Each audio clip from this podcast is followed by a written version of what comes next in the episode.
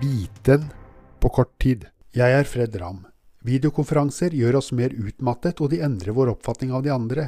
BBC har spurt to eksperter, Gianpiero Petreglieri og Marissa Schøffler, om hvorfor det er slik.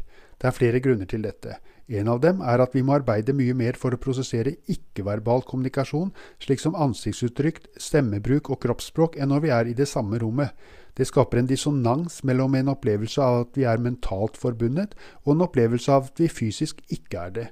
Denne konflikten krever at vi bruker mer energi enn om vi satt ansikt til ansikt. Om en stillhet er en naturlig del av vanlig kommunikasjon, vil en forsinkelse i en videosamtale på 1,2 sekunder gjøre at vi oppfatter den andre mindre aktiv og mer uvennlig. Dette er vist i en studie fra 2014.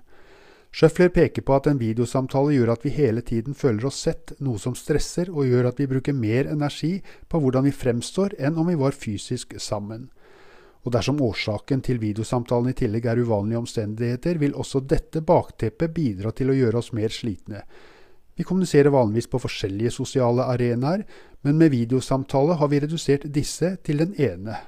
Noen vil i tillegg føle at de må overprestere på en slik plattform. Småprat, slå av kamera, ha skjermen til side for seg og ta hyppige pauser vil ifølge Petriglieri og Schøffler kunne hjelpe noe.